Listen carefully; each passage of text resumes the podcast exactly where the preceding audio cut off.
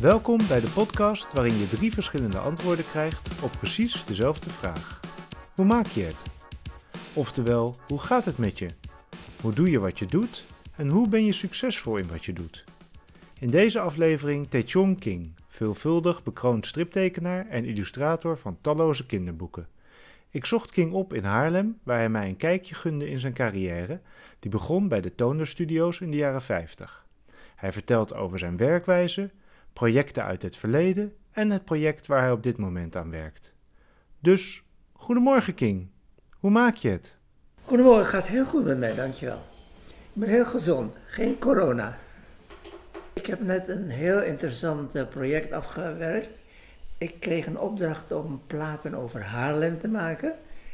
En heel vrij, ik mag doen wat ik wil. En dat is precies wat ik niet wil, want dat vind ik heel moeilijk.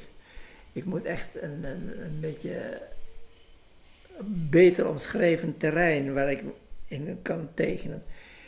Daar heb ik dus zes maanden niet van geslapen. En toen ik voor de zoveelste keer uh, met mijn tekenblok op de, op, op de markt zat om de kerk te tekenen, toen viel mijn uh, inkpot om op die tekening. En toen dacht ik, nou, wat de hek, ik doe maar wat ik wil. En toen had ik het.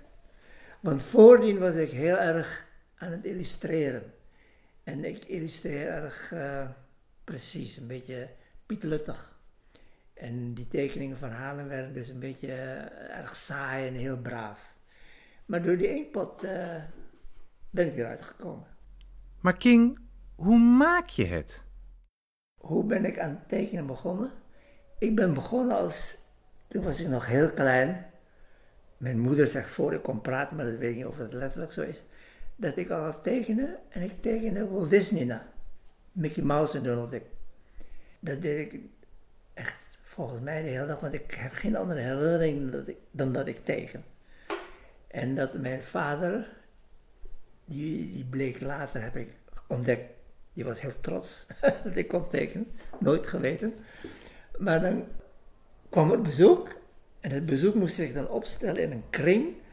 En ik moest in het midden uh, hier ergens staan met, uh, op een, met een tekenbord. En ik gaf mijn vader gaf mij uh, bevelen. Donald Duck rent nu de trap op. En dan moest ik dan onttekenen. Nu komt Mickey Mouse en die valt in het water. Dan moest ik weer tekenen. En zo, zo leerde ik dus heel erg handig te worden. Want ik was dood dat ik natuurlijk een fout maakte. Hè? Want dan werd hij kwaad. ten aanzien van het hele bezoek kreeg ik dan behoorlijk op. En daarna heb ik, toen ik tiener was, ben ik overgeschakeld op uh, filmsterren natekenen. ik kocht van die, uh, hoe heet die fanmags, fanmagazines. Uh, die hadden ze altijd drie of vier heel grote pagina grote portretten van de filmsterren. En die teken ik dan na. Dat heb ik jaren gedaan. Ook voor klasgenoten. En die moest ik dan uh, natekenen met extra grote borsten enzovoort enzovoort. Daar werd ik dan ook heel, heel, handig in. En toen ik in Nederland kwam, toen heb ik, ben ik begonnen met het strips tekenen bij de Martin Toner Studios. En toen was ik heel goed in gezichten, want dat had ik heel vaak gedaan. In de hals en de schouders, maar verder was ik niet zo goed. Want die foto's waren alleen maar tot hier, tot aan de schouders. Dat was nog even moeilijk.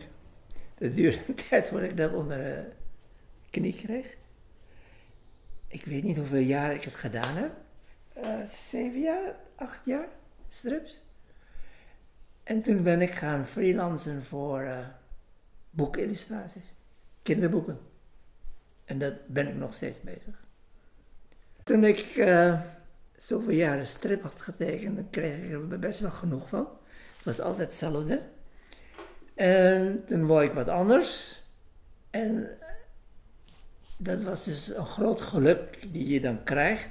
Want toen belde Miep nee, Querido belde me op. En die zei, we hebben hier Miep Diekman. En die heeft een, een, boekje geschreven. En zij wil dat jij dat illustreert. En later hoorde ik dat zij mij wilde omdat ik striptekenaar was.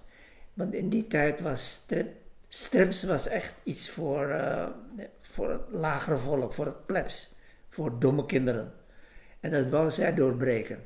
zij wou dus dat haar boek geïllustreerd werd door een striptekenaar, ze koos dus mij. En ja, en tot mijn grote verrassing kreeg ik daar bene ook een penseel voor. En, want die tekeningen waren echt niet bijzonder, het waren hele kleine tekeningetjes, verder niks. Dus ik dacht, het is helemaal geen, geen kandidaat voor een penseel. Maar ja, ik kreeg hem. En toen dacht ik, ja, nou heb ik het gemaakt. Ik heb een penseel gekregen, maar daar merkte ik verder helemaal niks van. Ik kreeg wel gewoon werk, maar er werd nooit gezegd vanwege die penseel of zo.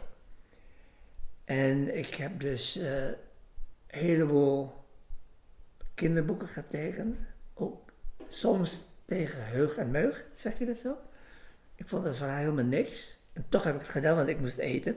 Als ik een verhaal niet leuk vind en ik doe het toch vanwege brood de plank, dan is het voor mij toch een sport om daar iets van te maken. Dat is een grap. Dat, dat vind ik dan leuk.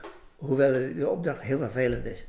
En ik heb daardoor ook best hele slechte tekeningen gemaakt. Want soms kom je daar echt helemaal niet uit. En King, als laatste, hoe maak je het? Na een hele tijd uh, verhalen te illustreren die ik soms helemaal niet leuk vind en soms gaat wel en een enkele keer heel erg leuk, kreeg ik een verhaal van Sylvia van den Heden uit België om een verhaal te, illustreren over een vos en een haas. En in die tijd was uh, sprekende dieren was not done.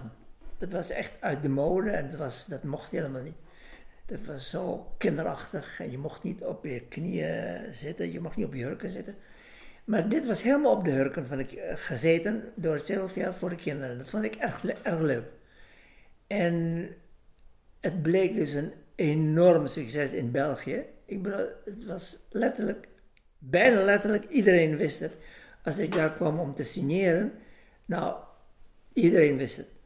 En toen werd die serie, ik geloof dat er nu zoiets van 35 deeltjes bestaan. Uh, Sylvia kreeg een opdracht van Vos en Haas om een, uh, een, een, kookboek te maken. En een boek over uh, biologie en over ideeën. En toen kreeg ze de opdracht om een prentenboek te maken van Vos en Haas. Dus met drie regels tekst en de rest tekst. Maar dat kon ze niet. Dat, dat lukte haar niet. En toen stuurde ze me een paar ideeën, losse ideeën. Maar daar kon ik niet zoveel mee. toen heb ik mijn eigen ideeën erbij gedaan.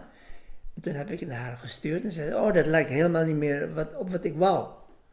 Uh, doe jij maar verder alles wat je wil. En toen heb ik daar andere beesten van gemaakt. En heb een eigen verhaal bij bedacht. En tot mijn verbazing, toen wilde uh, Lano dat wel. En dat werd ook een groot succes. Er zijn er vier delen van gemaakt, geloof ik, van die taart. De taart bleek dus een enorm succes. Ik geloof dat die in 18 landen vertaald is. En weet je waarom? Omdat er geen tekst in zit.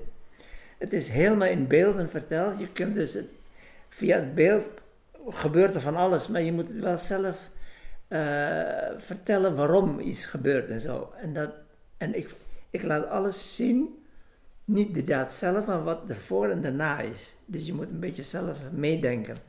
De eerste is dus dat ik een, een, een reis beschrijf. De camera gaat dus mee met met die reis. Het is een achtervolging. Een taart wordt gestolen. En dan ga ik mee met die taart, want die wordt achtervolgd door de eigenaar. Die camera beweegt dus mee. En deel 2 dacht ik, dan maak ik een verhaal waar de camera heen gaat en dan weer terug. Maar dan gaan ze op picknick. En die gaan uh, naar een picknickplaats en dan blijken die taarten gestolen te zijn. En daar beschuldigen ze iemand van en die iemand die rent terug. Dus die camera gaat mee terug. En met het derde deel dacht ik, het uitgangspunt is nu dat ik de camera op één plaats blijf. En dat het hele verhaal zich afspeelt op één plaats. Dan moet je alsmaar volgen wat er allemaal gebeurt, wat er allemaal verandert in die plaats. Toen kwam Lano met een volgend idee en dat is uh, over kunst. En toen dacht ja, kunst, wat weten kinderen nog van kunst? Dat interesseert hen toch helemaal niet. Ze weten niks van kunst. En toen dacht ik, weet je wat, ik maak weer een diefstal van een kunstwerk. En als je de kunst niet herkent, is het ook niet erg, want dan heb je dat verhaal nog steeds. Dan is die kunst alleen maar als, als decor. Dat kan dan. Het grappige is dat die Lano, uh, mijn redactrice, die, die ging met haar man en zoon naar een museum. En opeens snel dat zoontje, mama, mama, King zit in het museum. Ze heeft dus een schilderij ontdekt die in mijn, in mijn uh, taartboek was. dus ze dachten dat ze mijn schilderij hadden opgehangen in het museum. En dat was het alweer voor deze aflevering. Hartelijk dank voor het luisteren naar Hoe maak je het? Benieuwd wie de volgende keer te gast is? Volg Hoe maak je het op Instagram of op Spotify en blijf op de hoogte.